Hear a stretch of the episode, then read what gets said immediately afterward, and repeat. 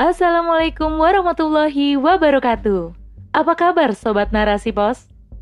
Kembali lagi bersama saya Giriani di podcast Narasi Pos. Narasipos.com. Cerdas dalam literasi media, bijak menangkap peristiwa kunci. Rubrik opini.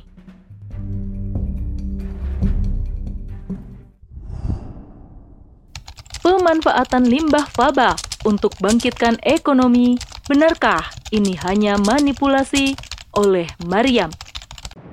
PT PLN Persero mendorong pemanfaatan material fly ash dan bottom ash atau faba atau limbah padat yang dihasilkan dari proses pembakaran batu bara pada pembangkit listrik tenaga uap atau PLTU untuk dijadikan bahan baku keperluan berbagai sektor yang dapat membangkitkan ekonomi masyarakat. Hal tersebut disampaikan oleh Direktur Manajemen Sumber Daya Manusia PLN, Yusuf Didi Setiarto, dalam acara webinar pemanfaatan FABA untuk infrastruktur dan pemberdayaan masyarakat yang digelar Ruang Energi secara daring Kamis 7 April 2022. Optimalisasi pemanfaatan limbah tersebut dilakukan karena FABA dikategorikan menjadi limbah non berbahaya dan beracun atau B3 sesuai peraturan pemerintah atau PP 22 tahun 2021 tentang penyelenggaraan perlindungan dan pengelolaan lingkungan hidup. Yusuf mengungkapkan rasa syukurnya karena limbah batu bara hasil pembakaran PLTU yang dulu jadi momok menakutkan saat ini sudah menjadi limbah non B3 sehingga limbah tersebut kini bisa dimanfaatkan untuk diperdagangkan dan mendulang rupiah dalam jumlah yang tidak sedikit. Meskipun telah menjadi limbah non B3, faba dalam pemanfaatannya perlu mendapatkan persetujuan lingkungan. PLN memastikan tidak akan membuang limbah faba, tetapi akan lebih mengoptimalkan pemanfaatannya. PLN meyakini pemanfaatan faba dapat mendorong ekonomi nasional karena dapat memberikan nilai ekonomi dari hasil pemanfaatan limbah tersebut untuk berbagai hal di sektor konstruksi, infrastruktur, pertanian, dan lainnya. Direktur Jenderal Mineral dan Batubara Kementerian ESDM, Ridwan Jamaludin, menjelaskan bahwa secara nasional, kebijakan pemanfaatan batubara adalah sebagai energi yang memberikan nilai tambah. Ke depannya, hasil limbah abu batubara atau faba akan semakin dimanfaatkan menjadi produk-produk yang ramah lingkungan. Pemanfaatan faba sebagai road base dapat menyerap 94 kalori dari total abu batu bara. Faba juga berpotensi digunakan sebagai bahan baku pembuatan refraktori cor, penimbunan dan reklamasi tambang, substitusi kapur untuk menetralkan air asam tambang, memperbaiki kondisi fisik tanah dan media tanam untuk revegetasi lahan bekas tambang. Walaupun ada beberapa dampak positif yang dihasilkan oleh faba karena sudah termasuk limbah non B3, namun tetap memiliki dampak negatif yang signifikan. Peneliti pertambangan Ferdi Hasiman menilai bahwa langkah pemerintah yang mengeluarkan fly ash and bottom ash atau sisa pembakaran batu bara PLTU dari daftar limbah bahan berbahaya dan beracun atau B3 merupakan wujud nyata jika pemerintah tidak memperhitungkan dampak ekonomi dan kerusakan lingkungan secara jangka panjang. Menurut Verdi, klaim pemerintah yang menyatakan pengelolaan sisa pembakaran batubara PLTU bisa menghemat 4,3 triliun hingga 2028 tidak sebanding dengan angka negatif nilai ekonomi yang dihasilkan kerusakan lingkungan akibat produksi faba. Ferdi mengungkapkan bahwa jika variabel lingkungan hidup diambil sebagai parameter untuk pembuatan kebijakan publik menjadi argumentasi pemerintah, hal itu sangat kabur dan bubar dengan sendirinya. Sehingga menurutnya, mengeluarkan faba dari B3 adalah argumen yang sangat fatal. Dan jika pemerintah telah mengeluarkan kebijakan ini, maka harus benar-benar menjalankan tugasnya dengan baik. Jelasnya, dalam program News Screening Morning IDX Channel, Jumat 19 Maret 2021. Kerusakan lingkungan yang terjadi di antaranya, kerusakan akibat pertambangan, kerusakan ekosistem laut lantaran PLTU sebagian besar berada di sekitar garis pantai, serta kerugian kesehatan bagi masyarakat yang berada di sekitar PLTU.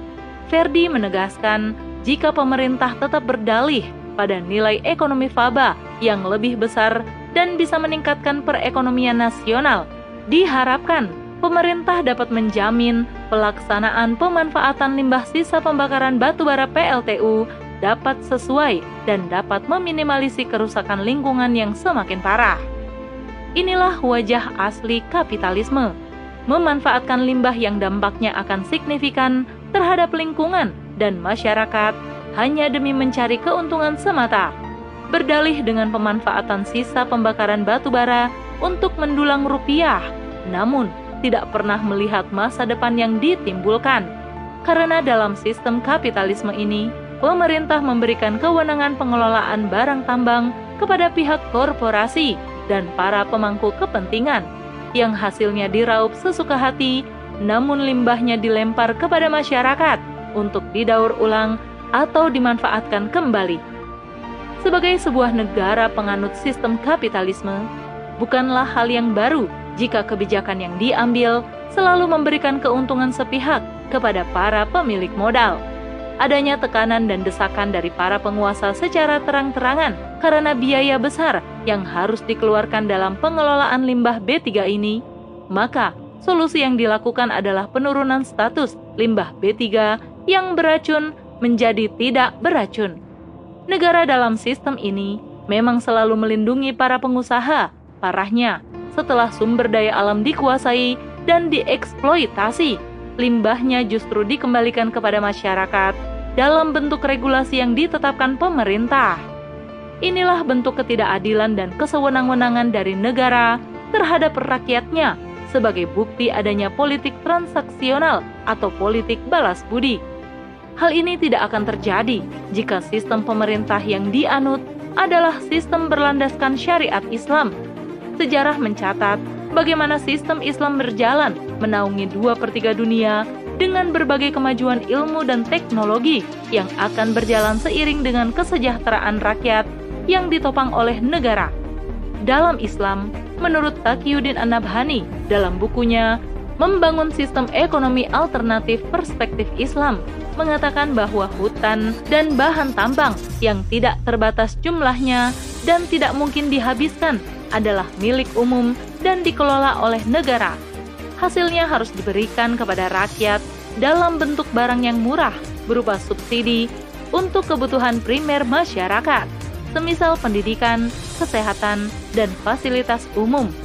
Perindustrian yang bahan bakunya bersumber dari kepemilikan umum, termasuk limbah yang dihasilkan, harus dikelola oleh negara. Artinya, negara memang harus memperhitungkan secara matang berdasarkan masukan dari tenaga ahli, untuk mengetahui dampak jangka panjang limbah sisa pembakaran batu bara ini bagi masyarakat. Tidak terpikir untuk mencari keuntungan materi atau membebankan rakyat, tetapi tujuan utamanya untuk kemaslahatan dan keselamatan umat. Dalam bukunya, Taqiyuddin An-Nabhani menjelaskan bahwa negaralah yang melakukan pengelolaan hak milik umum atau kolektif properti, serta milik negara atau state property. Jadi, tidak ada kesempatan untuk para pemilik modal mengambil peran dalam pemanfaatan sumber daya alam. Negaralah yang berwenang dan mengambil kebijakan dalam memanfaatkan tambang batu bara beserta limbahnya, sebab Islam melarang tegas untuk merusak alam, termasuk meminimalkan limbah yang dihasilkan. Hal ini dikarenakan negara dalam sistem khilafah adalah pengayom, pengurus, sekaligus pelindung untuk rakyatnya negara Islam harus memenuhi berbagai kebutuhan mendasar dan memastikan setiap individu berjalan dengan baik serta mendapatkan kesejahteraan dan keadilan yang terpenuhi. Inilah kebijakan dalam naungan khilafah, memberikan solusi tuntas demi kebaikan umat serta memberikan rahmat bagi seluruh alam. Sebagaimana dalam firman Allah dalam Quran Surat Al-Qasah ayat 77 dan carilah pada apa yang telah dianugerahkan Allah kepadamu, kebahagiaan negeri akhirat. Dan janganlah kamu melupakan bahagiamu dari kenikmatan duniawi, dan berbuat baiklah kepada orang lain sebagaimana Allah telah berbuat baik kepadamu. Dan janganlah kamu berbuat kerusakan di muka bumi. Sesungguhnya Allah tidak menyukai orang-orang yang berbuat kerusakan. Wallahu a'lam bishawab.